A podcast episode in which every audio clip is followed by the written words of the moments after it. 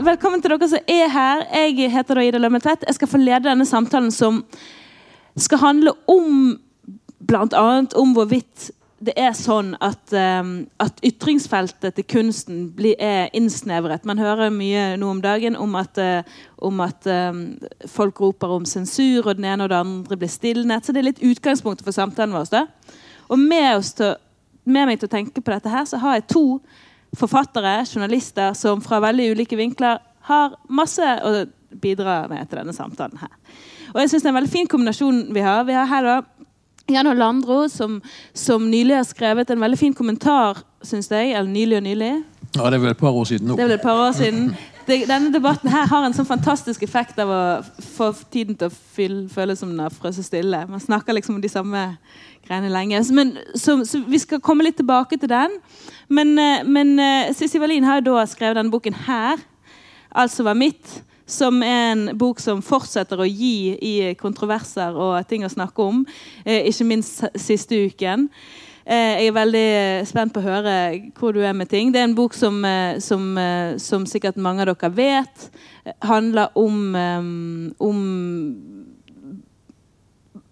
utgangspunktet er voldtektsanklagen mot Fredrik Virtanen, men, men, om årene før, om årene etter, om, om uh, mottagelsen av denne anklagen. og ting som skjedde. Og her har det jo skjedd nye ting. Bare siste uken Virtanen trakk sitt saksmål mot det norske forlaget som har gitt den ut her. Og Sissy, velkommen. Det veldig spennende som har skjedd, er jo òg at du har gått ut uh, med en sak som når jeg først hørte om det for et par dager siden, så hørte jeg om det fra folk som er veldig metoo-fiendtlige. Som sa at ja, nå har hun mhm. der svensken trukket alt. Totalt snuoperasjon. Hun mente ingenting. Og det møtte jeg opp til flere folk som sa men det var kanskje ikke akkurat det du skrev. Kanskje du begynner med å fortelle oss hvor du står nå, og hva det var du skrev 1. Ja, juni. Det är också, tycker jag, ganska oroväckande att eh, hyfsat kultiverade människor är så dåliga på att läsa. Men det kanske är snarare att de inte läser hela texter, de läser rubriker eller så läser de om texter men inte texten. Eh, nej, men jag skrev en krönika i tidningen Expressen. Jag är krönikör där i, i en stor svensk tidning. Och den handlar om att jag ångrar eh, att jag har varit en del av ett eh, flockbeteende, en, eh, en kultur på nätet i sociala medier under senare år framförallt efter metoo. Eh, och den handlar inte alls om metoo. De anklagelserna står jag för till 100 procent. Eh, jag står upp för alla som vill berätta om att de har varit utsatta för sexuella övergrepp eller andra brott.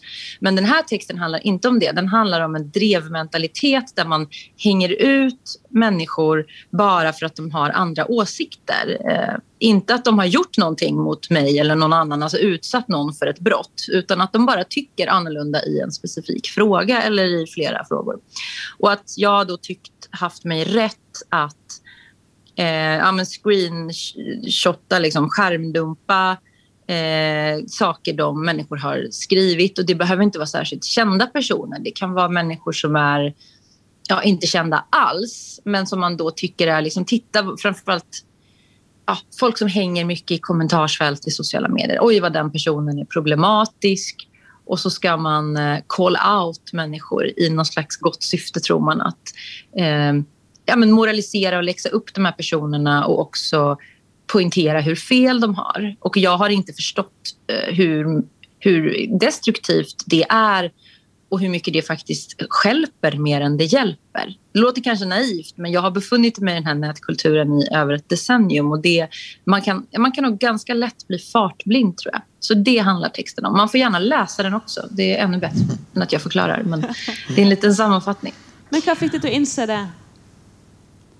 Men det har väl kommit stegvis. Jag har ju följt debatten om yttrandefrihet globalt eller ja, på, engelska då framförallt i anglosaxiska länder och cancel culture som ni säkert pratar om i Norge också eh, och hur det drabbar enskilda eh, artister, konstnärer, profiler, näringsidkare, människor som inte ens är kända, hur det har krupit sig in i den akademiska världen på universitet har vi sett i Sverige. Jag vet inte om det har skett i Norge, men det har skett i England och USA och Kanada och sådär. Att man har fått sparken för att man har haft fel åsikt i, i en viss fråga.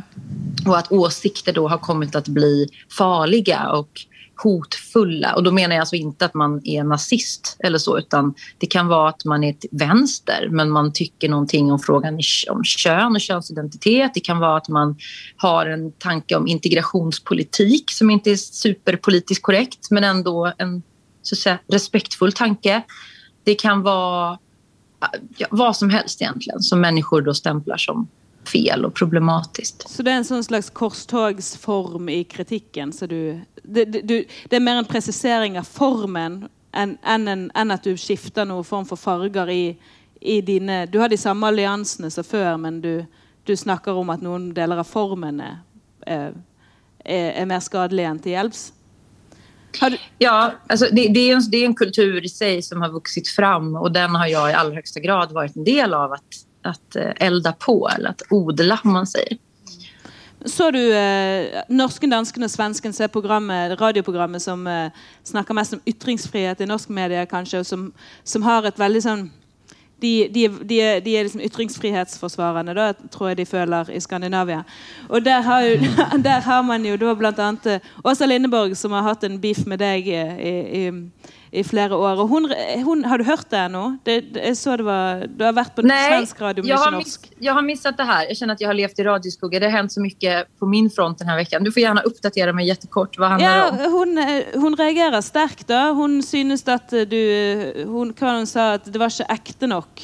Hon trodde inte på Nej. dig. Du nöt det och så vidare. Ja.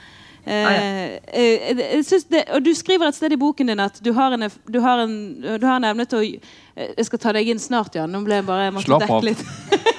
alltså att du har en, att, att, att, att, att um, du skriver noe sånn at du alltid har hatt en evne til å gjøre folk ukomfortable. og det tenkte jeg på når jeg hørte det oppdraget, Hvor utrolig splittende din rolle har blitt. da, At det blir veldig sånn Enten så liker folk deg, eller så ikke. At det handler mer om det om, enn om hva, hva du måtte mene.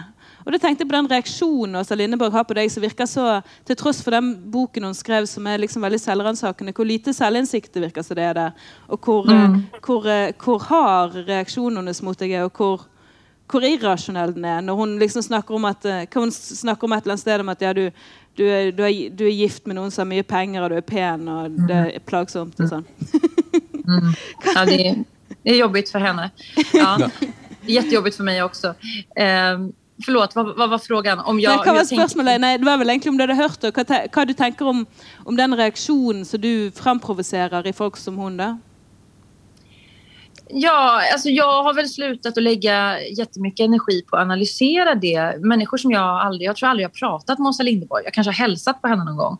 Eh, eh, och då blir det väldigt märkligt när den här kritiken man får är så uppenbart personlig. Ungefär som att jag och hon har haft ett eh, en relation som har tagit slut eller att jag har snott hennes pojkvän någon gång för 20 år sedan. Liksom. Så är inte fallet.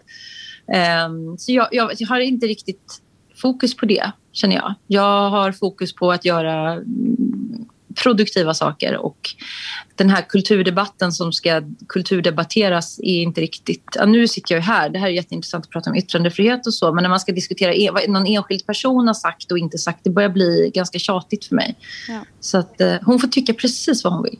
Ja. Och jag tycker att hon är en, eh, en intressant skribent ibland. Ibland är hon helt ute och cyklar. Men det är väl det som är poängen. Man, ska, man älskar ju inte allting en människa mm. gör eller vice versa. Ja. Men jag syns det är intressant. Och det, eh, att, att den... Uh, jag tänker att det är en sån våldsam... Det är något med, med, med särskilt våldtäktstematiken som kan framprovocera en våldsam kulde i liksom, ironigenerasjonen, da, som jeg syns er spennende. Så, uansett hva man måtte mene om de enkelte sakene. Men, og derfor, siden Jeg har litt sånn her, jeg er redd for denne problemstillingen. Jeg har tenkt at jeg ikke ville eh, ta i metoo-problemstillinger offentlig i det hele tatt. For jeg, har, eh, jeg er selvhøytidelig og er redd for å bli smittet av ting. Så når jeg, når jeg, skulle, når jeg skulle, bli bedt om å intervjue deg, så ble jeg helt sånn Nei, jeg tør ikke, for jeg, jeg, er redd for å bli assosiert med en problemstilling. og sånne ting. Så jeg sa skaff mm. meg en, en, en, en mann en, en äldre ja. man som kan representera, eh, som kan liksom jävna ut panelen sin demografi. Ja, så därför så, så, så, så, är jag väldigt glad för att jag fick Jan H. Landro med mig i den samtalen. Och så för att hämta dig Jan in, så tror jag, när vi snackade samman igår så fick vi liksom känslan av att uh, du var den solidariska medsystern med boken och jag skulle vara den gamla grinebitaren i måten vi reagerade. Så, men berätta lite om din, din reaktion på boken. Hur läste du den? Aller først vil jeg bare si Hei, Sissi. Hej, hej Jan. Aller først vil jeg bare si at jeg har tilhørt ironigenerasjonen fra fødsel. Jeg er ironiker og har levd greit med det. Eh, boken gjorde sterkt inntrykk, og jeg opplever den som svært troverdig. Og det som eh, i mitt hode gjør din versjon altså, Det sier seg sjøl. Her er to parter, og, og versjonene deres eh, milevis eh, fra hverandre. Men det som gjør at jeg Eller enda en ting som gjør at jeg tror på din versjon, det er at jeg kan ikke tenke meg at noe menneske vil utsette seg for alt det du har utsatt deg for, hvis ikke du mente at du hadde en rettferdig sak. Der tror jeg du er. Derfor tror jeg fullt og, eh, fullt og helt på deg. Dessuten syns jeg at, eh, at boken din er viktig av flere grunner. Én er, den denne opplagte at eh, ingen som ikke har vært ut, ingen som ikke har vært utsatt for et overgrep, vil kunne komme i nærheten av å forstå hva dette innebærer der og da og i tiden etter. Men slik du har skildret dette, og slik du har skildret ettervirkninger og, og, og hele krigen, så var det om det ikke satte seg i kroppen min, så satte det seg i hvert fall i hodet. Dessuten er det én ting til med boken din som er viktig. Og det er at du får frem, uh, og veldig tydelig og lettfattelig, hvilke strukturer vi her har med å gjøre. Om hvordan maktmennesker støtter og hjelper maktmennesker, og dermed seg sjøl så du får en evig runddans. Jeg vil gå så langt som til å påstå at denne boken burde være pensum på Heter det fremdeles gymnas i Sverige? Her heter det videregående skole. Fordi at alle unge som skal ut i den jungelen som samfunnet er, de trenger rett og slett å få sett litt av de erfaringene du har gjort, de kreftene du har møtt. Derfor. Nu blev jag ju alldeles rörd här. Tusen tack. Fint sagt. Ja, det, var, det, det, är faktiskt en del män som har hört av sig som har läst boken och, och haft liknande eh, reflektioner. Så det blir jätte, jag blir, oavsett kön så blir jag jätteglad. Ja. Någon det är väl nyheter för fler män och än kvinnor att for de, de hardeste dommene mot, eh, mot, kvinner som går ut i metoo-situasjoner, er ofta ofte fra eldre kvinner. Da. Det er ofte der den retoriske brutaliteten er, er, mest ekstrem for de som er på en måte for, for smarte for harme og for kule for voldtekt og, og sånne ting. At, at, det er en eh, At, det, det, det, det, jeg og har møtt Jeg føler at det er, mange, det er, mange, det, det er ofte lettere for menn som, eh, å lese enn en, en kvinner. For meg var det en vanskelig bok å lese. Igjen fordi at jeg eh, Min reaksjon på metoo var sånn i all hemmelighet eh, takknemlighet overfor alle de som gjorde det, men jeg ville aldri skrevet metoo sjøl, fordi at eh, jeg er for sjølhøytidelig. Jeg hadde aldri tørt det. du gir deg ikke på det? Hæ? Nei, du gir deg ikke på det, skjønner jeg. Nei, men, men, men der, der det er jo min, min, ja. det jeg har å bidra med av selvransakelse. der, der er òg et uh, paradoks knyttet til dette, og, og, med boken, og det er jo det at uh, på et vis er du, Sissi, en av de privilegerte. For du har en stemme og du har motet til å bruke stemmen. En annen sak er at det har jo ikke hjulpet deg stort.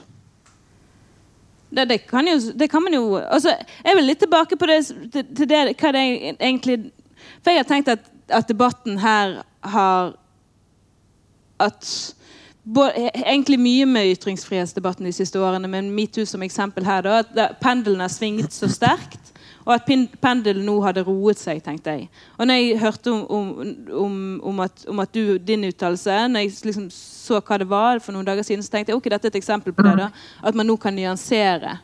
At man, mm. kan, at man kan, at man nå kan Jeg tenker på den boken av Martha Nussbaum som, som, som nylig kom ut om metoo, hvor hun snakker om, om problemet med, med liksom eh, korstogsmentaliteten. Og, Mm. skille mellom de to formene for raseri. Da, det fruktbare raseriet og det destruktive raseriet. Problemet med at veldig mange av disse sakene blir sosiale heller enn juridiske. og sånne ting. Jeg lurer på om, om du er litt der, at det, at, at det har vært at det, treng, at det var radikalt og ekstremt i begynnelsen, at nå er det eh, At det kanskje tid for en, for en annen måte å snakke om det på. Har det noe med det at, at, at denne boken kunne Jeg lurer på om det er en del av den samme tidsånden at liksom Nussbaum sin bok kommer ut nå, og at, og at du skriver det du skrev for noen dager siden nå? Så jag är ju ingen strategisk person. Eh, mycket kan man anklaga mig för, men jag är inte strategisk. Eller det är väl alla människor mer eller mindre, men jag är ganska lite strategisk ska jag säga. Och jag är mycket en känslomänniska. I Sverige pratar vi, ni har säkert kanske haft det, den diskussionen i Norge också, om det här att man är gul eller röd eller blå eller grön personlighet. Så att man är analytisk, strategisk, emotionell. Sen är väl alla människor en blandning av allt. Men jag är en idealistisk känslomänniska på gott och ont. Så när jag skriver någonting så har inte jag suttit och... och alltså snarare så är jag ostrategisk för att det kostar mig väldigt mycket så fort jag gör någonting sånt här. Så fort jag, min bok har ju kostat mig mer ja, emotionellt och ekonomiskt kanske än vad den har bringat in. Men det spelar ingen roll för att den var viktig för mig att få ut. Det var viktigt för mig att få den här dokumentationen. Jag tänkte när jag skrev den som att jag skrev den så här för mina barn. Det låter lite klyschigt men att när jag inte finns längre för min mamma dog för två år sedan och då fick jag mycket så existentiella tankar. att nej men jag, Hon efterlämnade liksom inget till mig i skrift. Det var så mycket med henne som jag inte känner till. Därför ville jag efterlämna någonting i skrift, i så samlad skrift till mina barn. Sen var det några fler, nu har inte mina barn läst den för de är jättesmå. Men, men det var inte din fråga, jag ville bara sidetrack. Um, nej men, den här texten jag skrev nu handlar ju inte om min bok om metoo. Det handlar ju mer om, precis som du är inne på, att det är så många olika bitar i det här. Det är inte svart eller vitt. Debatten tenderar ju att bli svart eller vit. Alltså antingen är man ond eller så är man god. Och jag var ganska tydlig från början när jag skrev min metoo-berättelse att eh, Fredrik Virtanen då som jag anklagar, jag har aldrig sagt att han inte ska få försörja sig på någonting. Att han bara ska elimineras, eh, helst ta livet av sig eller bara flytta till månen. Jag har aldrig sagt det eller tyckt det. Eller i mina mörka stunder har jag ju tänkt så. Men om jag är rationell så vill inte jag stoppa hans bok. Jag vill inte hindra hans yttrandefrihet. Um, det är inte så att alla människor som berättar om utsatthet talar sanning. Det finns människor som ljuger. De är väldigt få vad gäller sexuella övergrepp, men de finns. Eh, det är inte så att alla män är onda och alla kvinnor är goda. Men det är lite så det blev under metoo. Och det har varit väldigt svårt att nyansera det, tycker jag. Ja, men, Jättesvårt. Ja. Man får et godt eksempel på det i boken. og Man snakker om cancel culture nå. Eh, og knytter det. Men det jo, i, i, i, det tidsforløpet som du dekker i boken, så er det jo du som blir cancelled, ikke han. Altså, du beskriver ja. at han er, sitter i paneler, og at du mister jobber og sånn. Og det tenker jeg er ganske symptomatisk for hele greien. At her er veldig mye av det som diskuteres som en liksom, frihet versus ufrihet, eller frihet versus sensur i ytringsfrihetsdebatten, egentlig et spørsmål om hvem sin frihet på bekostning av hvem sin frihet. Og at hvis ikke du stiller det spørsmålet, så, så, så, så har man liksom ikke begynt å tenke skikkelig ennå. Og at det, det, er jo det som på en måte bales med her, når man setter navn på noen uten å gå gjennom rettssystemet, så, så, så, så er jo spørsmålet hva er alternativet? Er det sånn da at alle som voldtas, får i fanget en hemmelighet de må holde på for alltid, for hvis ikke ærekrenker de. Altså det, det, er en sånn, det er en sånn ja, Hvem sin frihet på, og hvor går grensene? Som, som det er utrolig grumsete materie, dette her. da. Mm. Ja, altså til, til, til, grunn for dette ligger en fundamental skjevhet i systemet. Som rett og slett går ut på at rettsvesenet og, og lovverket gir større, sterkere støtte til overgriperen enn til overgrip, overgrepsofferet. Og det er i og for seg lett å forstå, fordi at eh, når når en person eh, føler seg uthengt i, i mediene, slik tilfellet er med Virtanen, så går det an å kvantifisere. Han har mistet den jobben, den jobben, den jobben, det oppdraget osv. Dette kan retten sette et beløp på, en sum, og si ok, her skal det betales skadeserstatning på så og så mange 10 000 eller 100 000. Mens det reelle offeret jo sliter med å, å, få bevist noe som helst. Og nettopp fordi det er så mange traumer knyttet til selve overgrepet, så blir det jo heller ikke til at det blir anmeldt på timen. Eller ikke dagen, kanskje ikke uken, kanskje ikke måneden. Veldig lang tid etterpå. Ingen vitner, ingen bevis. Det er en håpløs situasjon. Og uansett hva du gjør, så vil du som overgrepsoffer oppleve at du befinner deg i en slags catch 22-situasjon. Ja. Sam, samme hva du gjør, feil blir det uansett. Så, så her, her, er altså et, et, en overordnet problematikk som ikke kan løses på noe individuelt nivå, men som altså må fikses på gjennom lovverk og politiske vedtak. Men om vi kommer dit, det er jo veldig usikkert. Altså, det som skjedde i Norge, det var at overgrep mot barn Der innså påtalemyndighetene for uh, ikke så veldig mange år siden at her må noe gjøres. Og de, fikk, de sørget for opp, bedre opplæring av politi. Vi fikk barnehus og, og, og, den slags. Og det har hatt en tydelig effekt. Mm. Jeg vil tro at det er mulig å gjøre ting både rent praktisk, politimessig, juridisk og, og på lovsiden men noen må sette det i gang. Og der er vi tydeligvis ikke ennå. Ja, ja, förlåt, kör. Ställ din fråga. Nej, nej, snakk du. Nej, nej, jag tänkte att du hade någon bra input. Så jag, säg du. Ja, jag, kan, jag har så mycket tankar. Så led oss framåt i samtalet. Det är bättre. Ok, nei, det jeg tenkte på, det er jo, det er at Litt av problemet er kanskje at, at, at overgrep er så vanvittig mystifisert og elevert òg noe som er statistisk er en totalt hverdagslig forbrytelse. Som, så, altså det, det, er liksom, det, det, det, er et gap mellom hvor utrolig vanlig det er, og måten det snakkes på i media. Og, og, og, den, og at, at, at, anklagen om en voldtekt blir på en måte sett på som om man sier til noen at de er et umenneskelig monster, og ikke eh, et, et, eh, menneske som, som, er relativt vanlig. Og at det har noe med hvor sterk forestillingen om voldtekten er i kulturen vår. Bare, også, hva de, våre, de første mytene eh, om norrøn mytologi, grekerne. Sant? Det er fullt av voldtekt. Det er en sånn, det er en sånn, ur, det er en sånn urforbrytelse og en urerfaring som er fylt med så mye, så mye betydning og så mye sånne eh, arketyper om liksom, på, den ene siden. Jo, hvem, hvem, tenker på det? Jeg tror det gjennomsyrer debatten fullstendig. Ja, ja, debatten kanskje. Ja. Men ikke hendelsen. Ingen, ingen, tenker på det gjerningsøyeblikket i alle fall. Nei, og, og men, det, det er, men, det, er det som er problemet. Ja, gapet mellom mm, samtalen og hendelsen. Men det er jo verdt å merke seg at uh, det som heter Brottsforebyggende rådet i Sverige, de mm. har uh, vist at tall, tallet på dommer i, i overgrepssaker har økt signifikant. 75 etter at den svenske samtykkeloven ble innført i 2018. Altså Allerede der ligger det en, en, et enormt forbedringspotensial som foreløpig ikke er tatt ut her i landet. For her er det ravende uenighet om, om, om dette er noe man i det hele tatt skal satse på. Ja, och det, det jag håller helt med dig Jan. Det, det är ju ett otroligt stigmatiserande. Eh, det är stigmatiserande att bli utsatt. Det är stigmatiserande att bli anklagad eh, om man skulle vara, om man skulle vara oskyldig.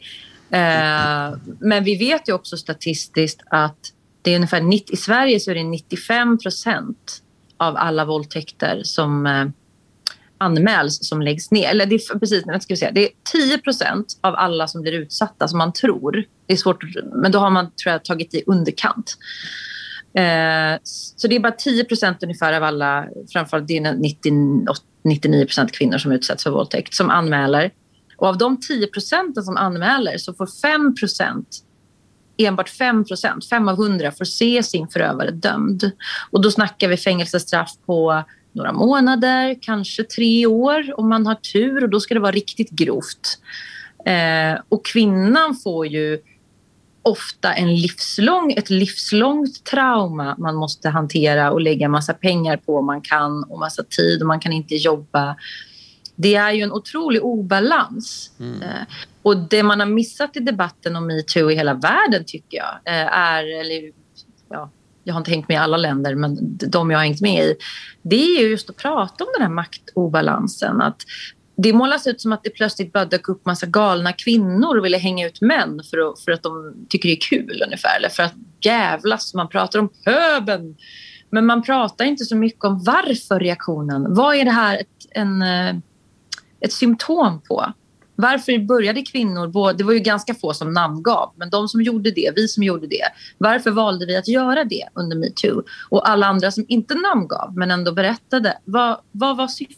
Vad var det vi hade burit på som gjorde att det här till slut var en, en vulkan som fick ett utbrott som hade legat och mullrat i, i decennier? Man pratar inte så mycket om varför, man pratar bara om att. Och det, det det säger ju någonting att det ska problematiseras att vi berättar men det ska inte problematiseras bakgrund, bakomliggande orsakerna till varför vi mm. berättar på det här sättet. Varför tar vi till det här, det här sättet? Varför, varför hänger vi ut någon? Vad vill vi med det? Vill vi förstöra någons liv eller handlar det mer om att få känna sig för första gången kanske på 15 år, 10, 15, 20 år, att känna sig lite fri. Att känna att nu kan jag andas. För nu den här enorma skammen och skulden som äter upp många inifrån, den stoppar man på något sätt tillbaka dit den borde hört hemma hela tiden. Mm. Så det är en frigörelse och alla människor vill ju, vill ju vara fria. Alla människor vill göra, vill begå frigörelse. Även kvinnor som blir utsatta för sexuella övergrepp. Jag lurer på om det är liksom något med omöjligheten att ta det in över sig så gör det så gör detta här så gör detta så en otrolig sån Har nött. Den, den, att det, är en sån, det finnes noen, noen sånne her mekanismer som, som stenger av for en empat, empatisk innlevelse i akkurat denne problemstillingen. Så jeg igjen tror har noe med liksom det arkaiske, ladete ved ideen om voldtektsoffer og voldtekts mannen som, som, gjør det veldig vanskelig, tror jeg. da. At, sånn, jeg, jeg, husker jeg snakket med, hadde en kompis som, uh, som levde under en uh, anklage som kanskje skulle komme ut, eller kanskje ikke, en metoo-anklage. Akkurat liksom, mm. tidlig i Weinstein-fasen. Og han snakket om igjen og igjen at dette her var dette var, dette var feilkanalisert raseri mot Trump. Metoo-bevegelsen handlet, det handlet ikke om mm. voldtekt. Det var sånn politisk raseri gone mad. Altså det, det, alt, det, alt ble forklart som en sånn en sånn, ja, igjen denne hysteriske kvinnen som, som f.eks. For i forestillingen om at um, innbilt voldtekt, som jo finnes, men som statistisk er sinnssykt sjeldent i forhold til faktiske voldtekter, men allikevel så avvises så mange voldtekter i rettssaken pga. ideen om innbilt voldtekt. Men jeg, jeg, så veldig mange menn som jeg er glad i og respekterer, som har gjort dumme ting, klamre seg til sånne forestillinger. Istedenfor å mm. tenke sånn ok, Vi sier ikke at du er et monster, vi bare sier at det var litt teit det du gjorde der, og nå må noen få lov til å si at det var skikkelig uh, skadelig for de. Men så, så, var det de som klamret seg til disse voldsomme, arkaiske, heftige fortellingene om, om uh, hva dette egentlig dreide seg om. det, Hva som lå bak det. Mm. Sånn, det handlet ikke om voldtekten, det handlet om noe, noe enda mørkere og større inni de kvinnfolkene. Kanskje et voldtektsbegjær, mm. til og med. var det mange. Altså, Just det. Ja. ja. det låter nästan lite mytologiskt. Ja, ja, Vad spännande. Eller obehagligt. Ja. Men la oss eh, eh, liksom utvide det litt, da. Fra Eller hva tenker du? Skal vi eh, For jeg, jeg tenker litt på denne her problemstillingen som vi har fått utdelt, på en måte. Mm. Er, er, det sånn at, at, at, at kunsten, at kulturfeltet, er i ferd med å snevres inn? Altså dette her, Dere to har jo på en måte snakket om dette fra to helt forskjellige vinkler. Eh, jeg lurer om Du kan fortelle litt om ditt perspektiv på det som er Ways of Seeing. Jeg vet ikke om du Kjenner, til, kjenner, kjenner du til den norske debatten om dette teaterstykket? Sissi, det är ju kanske ingen grund till Nej, det gör jag faktiskt inte. Eller jag, jag, har liksom, det har fladdrat förbi, men jag är dåligt insatt. Så det är mm. bättre att ni kör, så lyssnar jag. Och så ja, får jag då ska du få en rask införing av Janne. jag ska köra. Ja, Ways of Seeing eh, hade premiär för, eh, i Oslo för en, ja, två och ett halvt år sedan, tänker jag. och altså som teaterforestilling er det ikke spesielt uh, imponerende. Men det skapte en enorm strid. Og striden som oppsto, skyldes at altså, Dette var en, en, forestilling som vi kan si var, var tredelt. Eh, det var en flyktning- og minoritetspolitikk i første og siste del.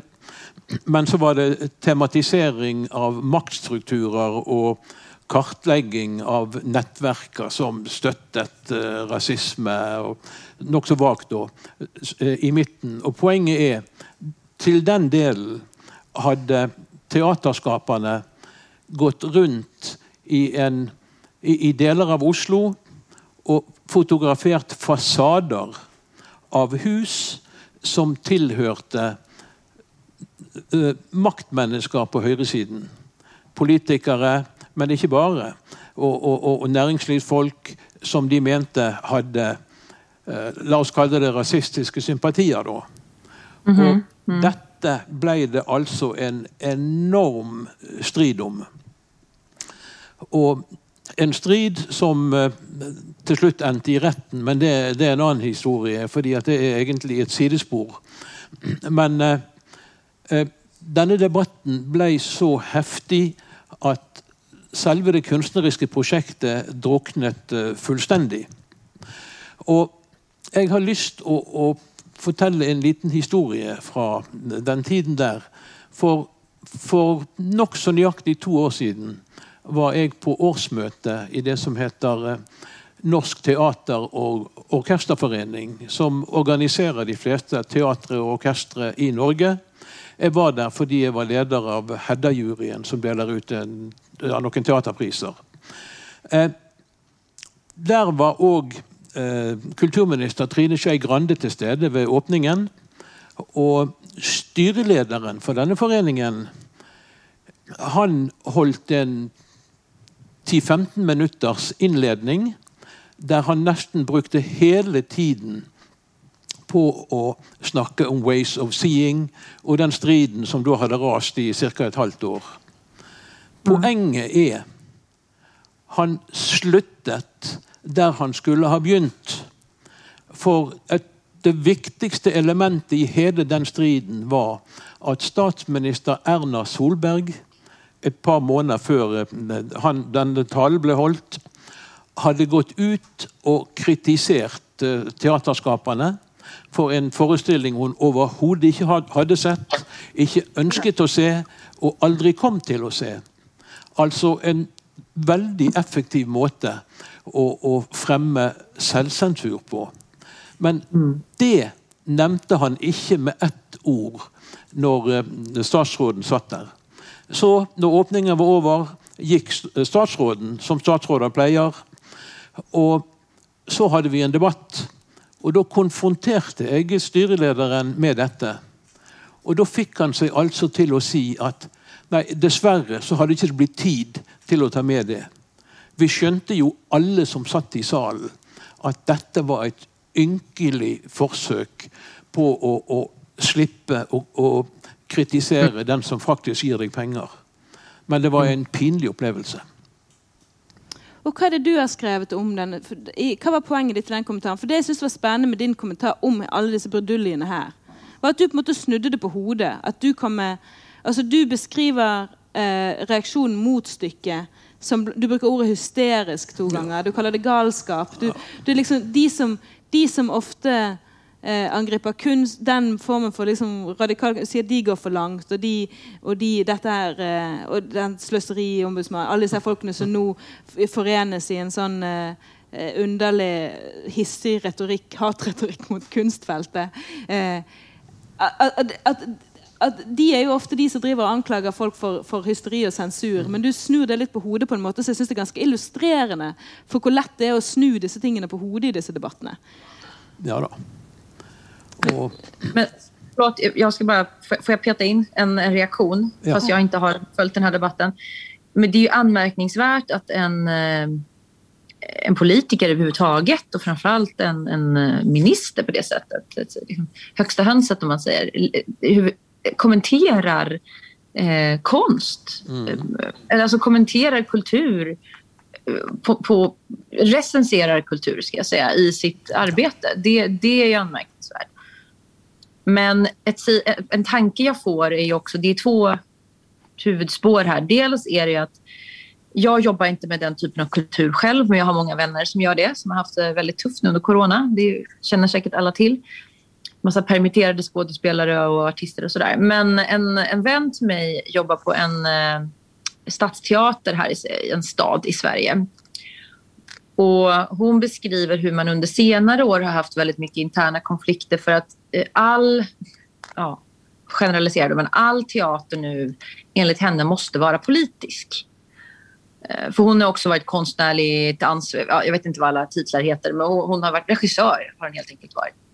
Och varit med och skapat, eh, tagit fram olika projekt och sådär. Och, och, kritiken har mycket varit att nej, men nu vill vi göra den här, nu vill vi göra Shakespeare säger vi.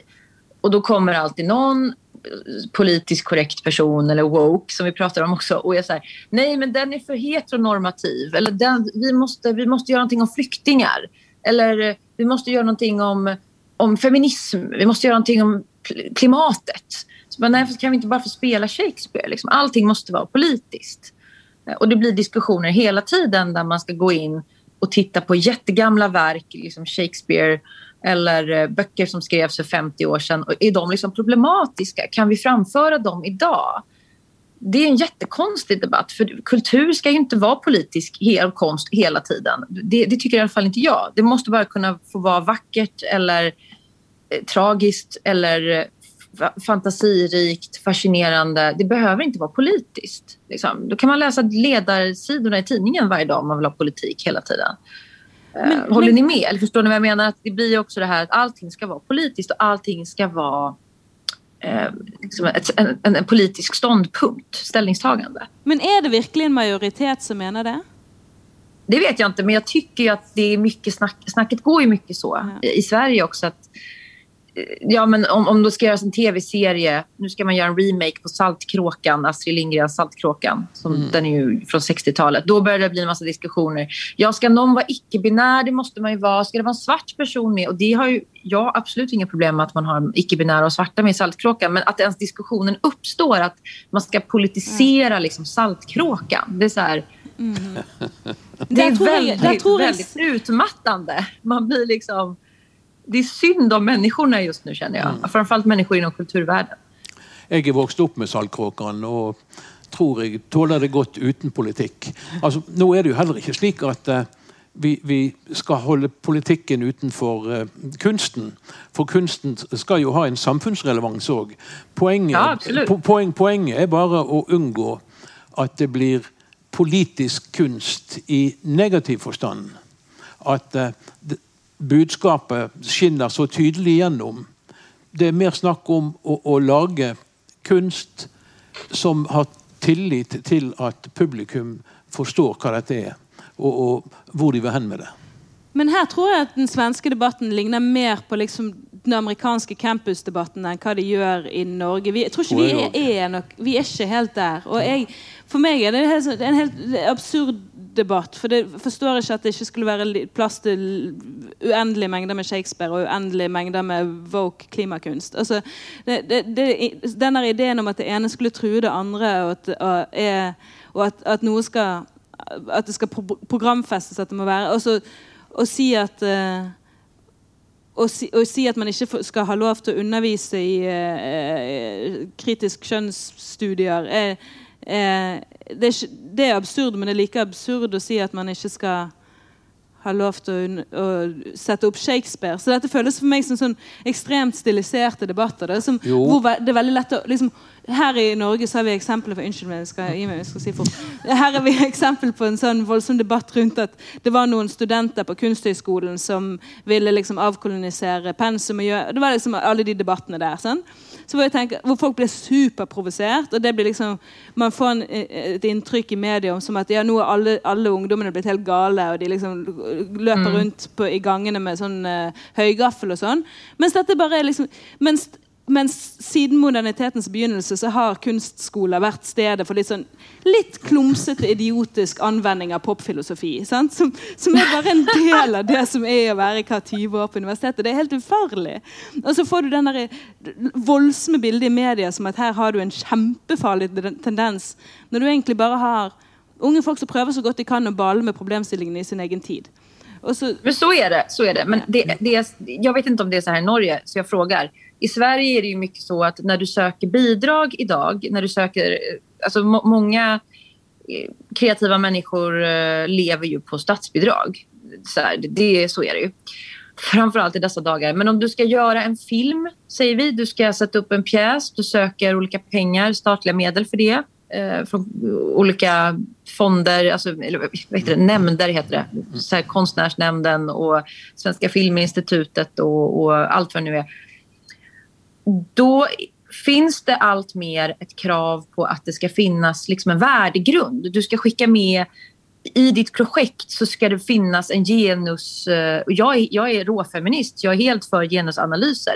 Men jag tycker kanske inte att varenda konstnärligt projekt måste innehålla en maktanalys eller en genusanalys eller en könsanalys eller en eh, rasteori. Alltså, det, folk sitter och liksom river sitt skägg eller kliar sig i håret i Sverige.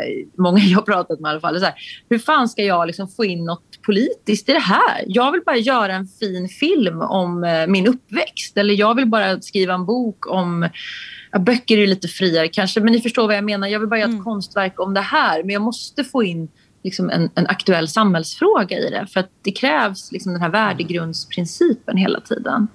Men då blir det ju den kunstneren sitt ansvar å ikke tenke sånn, da. Det, det, er der, det er det ansvar. Vi har jo allerede alle ansvar for hva perspektiv Ikke bare på hva vi gjør, men hva perspektiv vi velger å anta. Altså, hvem velger vi å legge fokus på? Vi, velger vi å si at de, att de är premissleverandörerna. Jag måste stänga en dörr här för mitt barn. Prata på, fortsätt. Nej, men, alltså, jag, jag tänker i alla fall det då, att, att, eh, att det är att man har lite ansvar för hur man porträtterar debatten om ting. Och att, man lätt kan, att det är väldigt enkelt alltid att säga att här har du en tendens och den är rådande och truende. Kom, är det barn som ska joina oss och representera den allra yngsta generationen inför... Ja, precis. Nej, jag, jag, jag, han fick gå härifrån, så nu är jag tillbaka. Fortsätt. Ja. Vad menar han egentligen?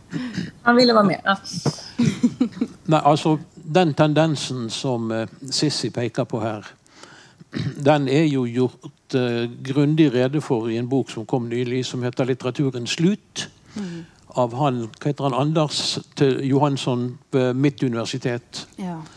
Eh, och han visar ju hur långt eh, det så kallade värdegrundlaget är i färd med att styra i alla fall litteraturen i Sverige.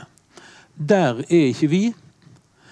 Men jag vill ju minna om att 1970-årene eh, i Norge var, där var kulturlivet och litteraturen, teater och det mesta så starkt politiserat att de som inte har upplevt det knappt vill tro att eh, det skedde.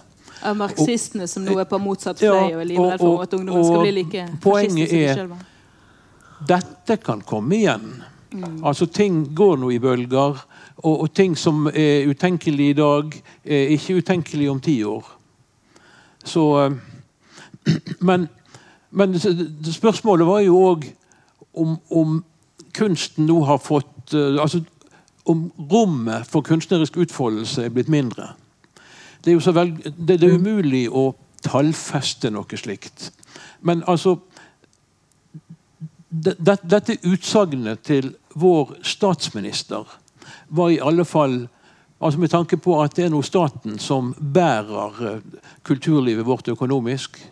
Eh, det utsagnet alene kan vara nog till att enkelte lägger eh, bånd på sig i, i, i, större och mindre grad. Mm. Så, och särskilt för de alltså hon är blivit uppfordrad, inte en men utalliga gånger, om att gå ut och beklaga. Nu har hon aldrig haft talent för att beklaga något som helst och det har vi heller inte upplevt här. Och, det är ganska absurt egentligen. Och, och, och, och därmed så, så lever denna jag vill nästan kalla det trussel. Och, men vad, ja, förlåt. Ja. Jo, det jag skulle fråga var, eh, men varför tror ni att hon gick ut Anna Solberg sa det här? Varför kände hon att hon var tvungen att ta avstånd från den här pjäsen? Vad var hennes, vem hade utövat påtryckning? Liksom? Det tror jag är väldigt lätt att, svara på. För flera av de som sterkt och inderligt önskat att stoppa hela föreställningen, det var folk som tillhörde partiet hon eh, satt i regeringen med. Mm. Och, och, så där, där alene eh, ligger en uppenbar förklaring. Och det samma partiet, Fremskrittspartiet, de gick offentligt ut och förlangte att all ekonomisk stötte till Black Box Teater i Oslo, som hade satt upp föreställningen, skulle upphöra. Mm, så, här, så, här, har vi alltså ett tillfälle av, av vilja eller önske om att, att styra konsten politiskt.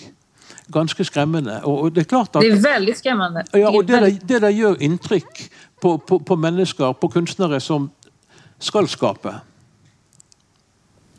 Men... Ja, jag funderar på eller det som man har sett i Sverige, ett x antal exempel, det är ju att enskilda konstnärer eller kreatörer eh, så eh, blir cancelled. Och det är inget nytt för, ja nu är det väl nästan tio år sedan som vi hade en serietecknare, en kvinnlig serietecknare som hade ritat eller tecknare, hon är kanske inte serietecknare, men hon, hon har illustrerat massa barnböcker och sådär. Hon är väldigt känd i Sverige på, det, på den fronten. Stina Wirsén heter hon. Hon hade en karaktär som heter Lilla hjärtat. Jag vet inte om ni följde den debatten.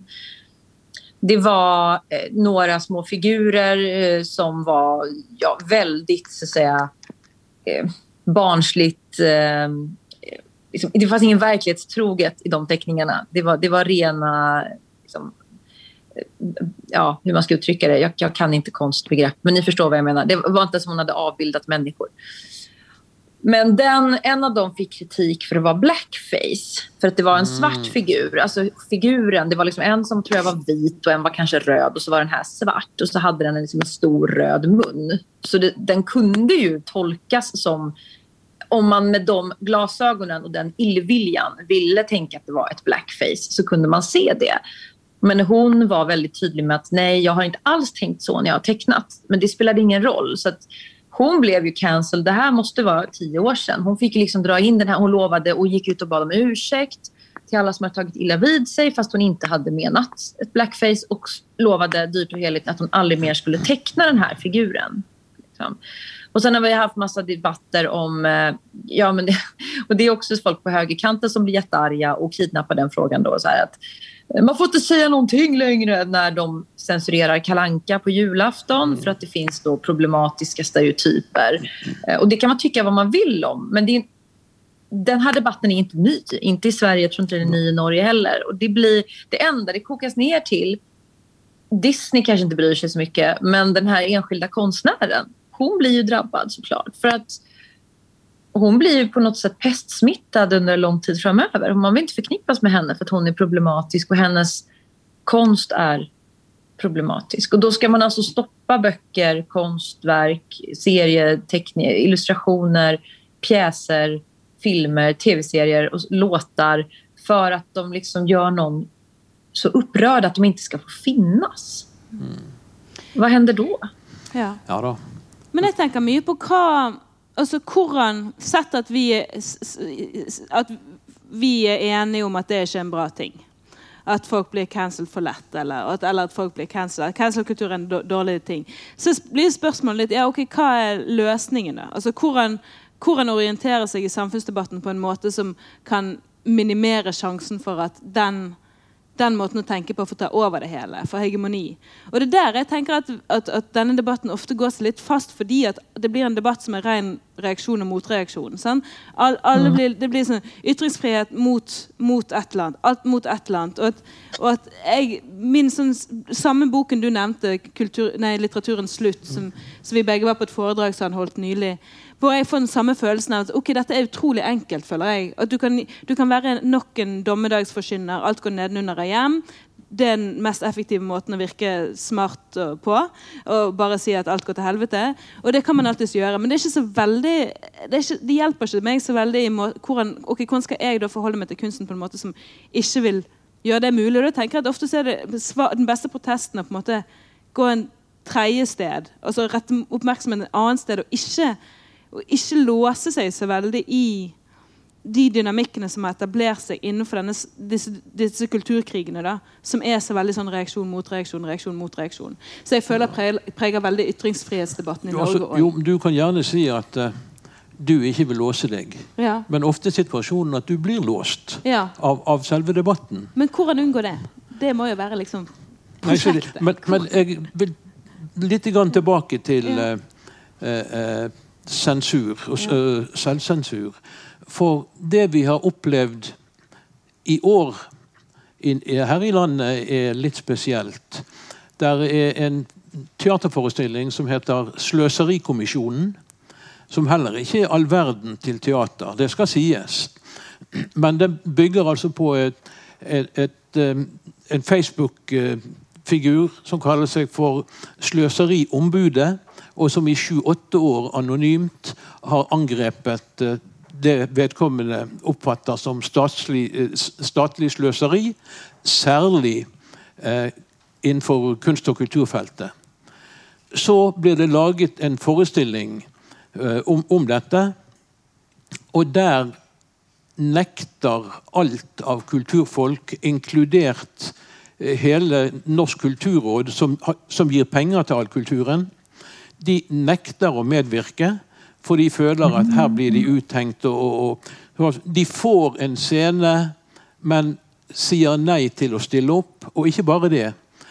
I kommentarfeltene, lenge før noen hadde sett uh, forestillingen, og i kommentarfeltene rett etter at den hadde hatt sin premiere, så fløt det med drit fra nettopp kulturfolk. Altså Da er de begynt å vil sensurere sine egne. Og hvor i svarten havner vi da? Det, det, det, blir ju väldigt intressant när man... det blir så meta liksom. Att mm. de gör en föreställning om... De sparkar ju uppåt och tycker de. Det, det är ju en politisk kritik. Mm. Och sen vill inte politiker vara med och ta den debatten. Men man ska ändå på något sätt markera att den här pjäsen inte borde få finnas. Alltså det blir så otroligt meta på så många nivåer. Mm. Det, det, finns en personlig kränkthet. Nu låter jag som ett högertroll. Det är jag inte, hoppas jag. Men jag måste ändå medge att det finns en stark... Eh, det finns en stark drivkraft i... Jag tror inte att det är människan i sig. Jag tror det är liksom i strömningarna i samtiden. Att man ska bli så personligt förorättad av... Mm istället för att se det som en samhällskritik så blir det som en personkritik mot någon. Eller hur tänker ni? Och, och där, därför så blir det som att nu är det ett drev eller en attack på mig. Nej, det kanske är mer en analys av den tid vi lever i. Men det blir så otroligt personligt allting för människor. Mm. Att man kan inte man kan inte se konst faktiskt för vad det är. Det är massa olika saker, men man, man ser det som en personlig attack på sig själv. Och det, jag var ju med i det, det som jag skrev om min avbön nu i Expressen i veckan. Jag var ju med i ett drev sommaren 2018 eh, mot en svensk eh, komiker som kallar sig Mr Cool. Eh, det är hans liksom alter ego. Han gör, eh, jag vet inte om ni har hängt med i det här, men han gör eh, musik som finns på Spotify. Alla kan väl lägga upp musik på Spotify, liksom, men som är väldigt grova, ja men som skämt-rap. Eh, liksom han rappar om att han ska knulla barn, han ska stycka kvinnor. Det är jätte, jätte... Jag förstår inte liksom vad som ska vara roligt i det. Ska det, vara, det ska vara så grovt så att man eh, bara skrattar på något sätt. Och kritiken som jag jag hade inte ens uppmärksammat det här för jag visste knappt vem han var. Utan det var andra som skrev om det innan mig. Med Mia Skäringer som är en av Sveriges kändaste personer och Elaine Eksvärd och sådär.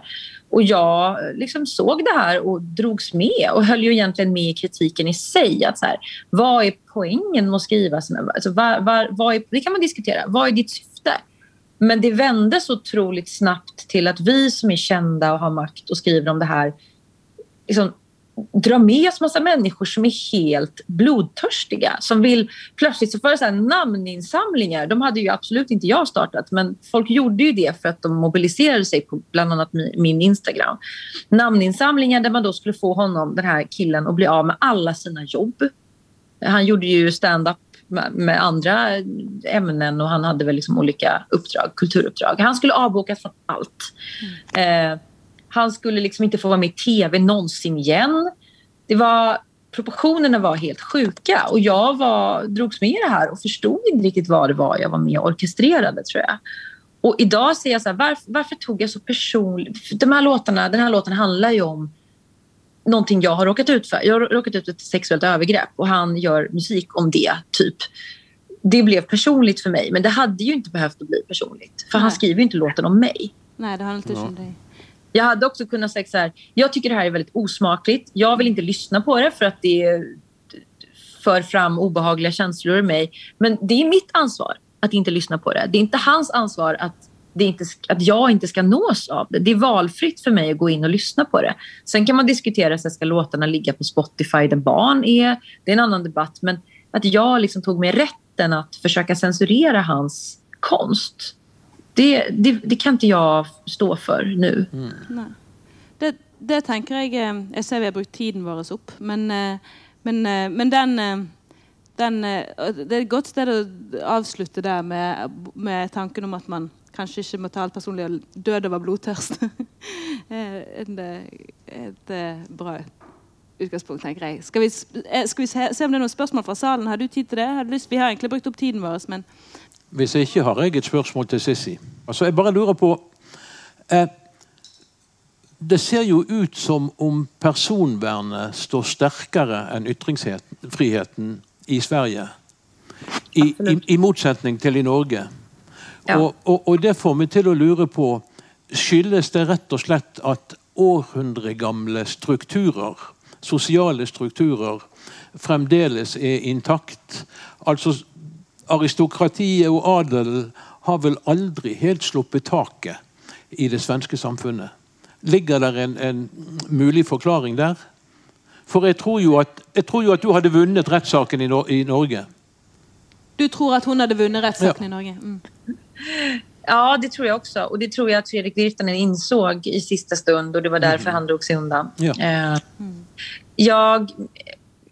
Alltså, man kan ha massor... Det, det, är alltid en teori som kommer. Sverige versus Norge. Och jag är ju faktiskt kvarts norsk. Min farfar, min bästefar var norsk och han flydde ju mm. från Norge till Sverige när tyskarna kom för att han inte ville ja, bli inplockad i armén. Eh, så det var väl bra, för annars hade inte jag funnits. Men eh, vi har pratat mycket i min släkt om hur det var, nu är han död, men just att leva i ett land som blir ockuperat. Det kommer liksom, du vaknar upp på morgonen och så säger man, ja nu är det krig, nu är det soldater här. Det är inte så länge sedan. Alltså, det är min uppväxt att vi har pratat om hur det påverkade hela min norska släkt och min farfar och sådär. Och min mamma kommer från Polen där och min mormor och morfar där man också ockuperade. Och i Sverige så hände ju inte så mycket. Vi, vi hjälpte ju tyskarna liksom, mm. att åka tåg ungefär.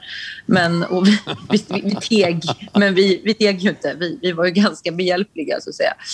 Eh, vi vill inte stöta oss med någon som vanligt. Och det tror jag ligger i den svenska mentaliteten så sätt att vi är inte lika stridbara i Sverige och därför blir det, därför blir det den här paragrafrytteriet här att rätt ska vara rätt. Man kan inte säga vad som helst om vem som helst. Nej, men ska vi straffa brottsoffer då? Ska vi, nu är det liksom... Ja, jag känner till nästan 20 fall, men det, det som media har rapporterat är ungefär 12, 11-12 förtalsdomar efter metoo. De här övriga är lite sådär, det kanske inte var våldtäkt man berättade om, det kanske var misshandel. Men ändå kvinnor som har berättat om utsatthet och sen blivit dömda för förtal och stämda av svenska staten. I Norge känns det som att ni är lite mer så här hårdnackade och säger att ja, men det är väl jättetråkigt att du upplever dig förtalad, men då får du driva det målet själv. Då får du antingen yttrande, använda din yttrandefrihet och, och som Fredrik Virtanen som har väldigt stor plattform att göra det eller haft en megafon att göra det. Då får du stå för det själv. Eh, eller liksom så får du låta det vara eller säga emot. Men vi har inte riktigt den mentaliteten i Sverige. Jag tror absolut den har att göra med vår historia. Och som du säger, att vi har haft det ganska intakt och institutionaliserat på något sätt i alla år. Jeg synes Hilde Sandvik sier det veldig bra. Jeg har hørt hun si det flere ganger. At nor nordmenn er stolt av kulturen sin, og svensker er stolt av ekspertisen sin. En Og sånn- historien sin. Ja, en sånn, en, Ja. en sånn veldig en sånn litt sånn klinisk, rasjonell eh, Eh, selvtillit da, på at her ordner man det. Her er liksom det flinkeste landet på å være flink og riktig. Og at, det, at, det, at vi er veldig forskjellige kulturer sånn sett. Ja, men Da tror jeg vi eh, skal ta og runde av. Men da må du ha tusen takk for at du, eh, at du, at du kom inn i datamaskinen jag hade gärna varit i Bergen. Jag har varit i Bergen en gång för 15 år sedan. Jag tyckte det var superfint. Så jag åker jättegärna tillbaka när ni har öppnat landet igen. Velkommen ved en annen anledning. Ja. Tusen Takk. takk. Takk til deg. Ha det Hyggelig å fint. hilse på Sissi. Vi hörs säkert. Ha det bra. Ha det. Ha det. Hej då. Hej då.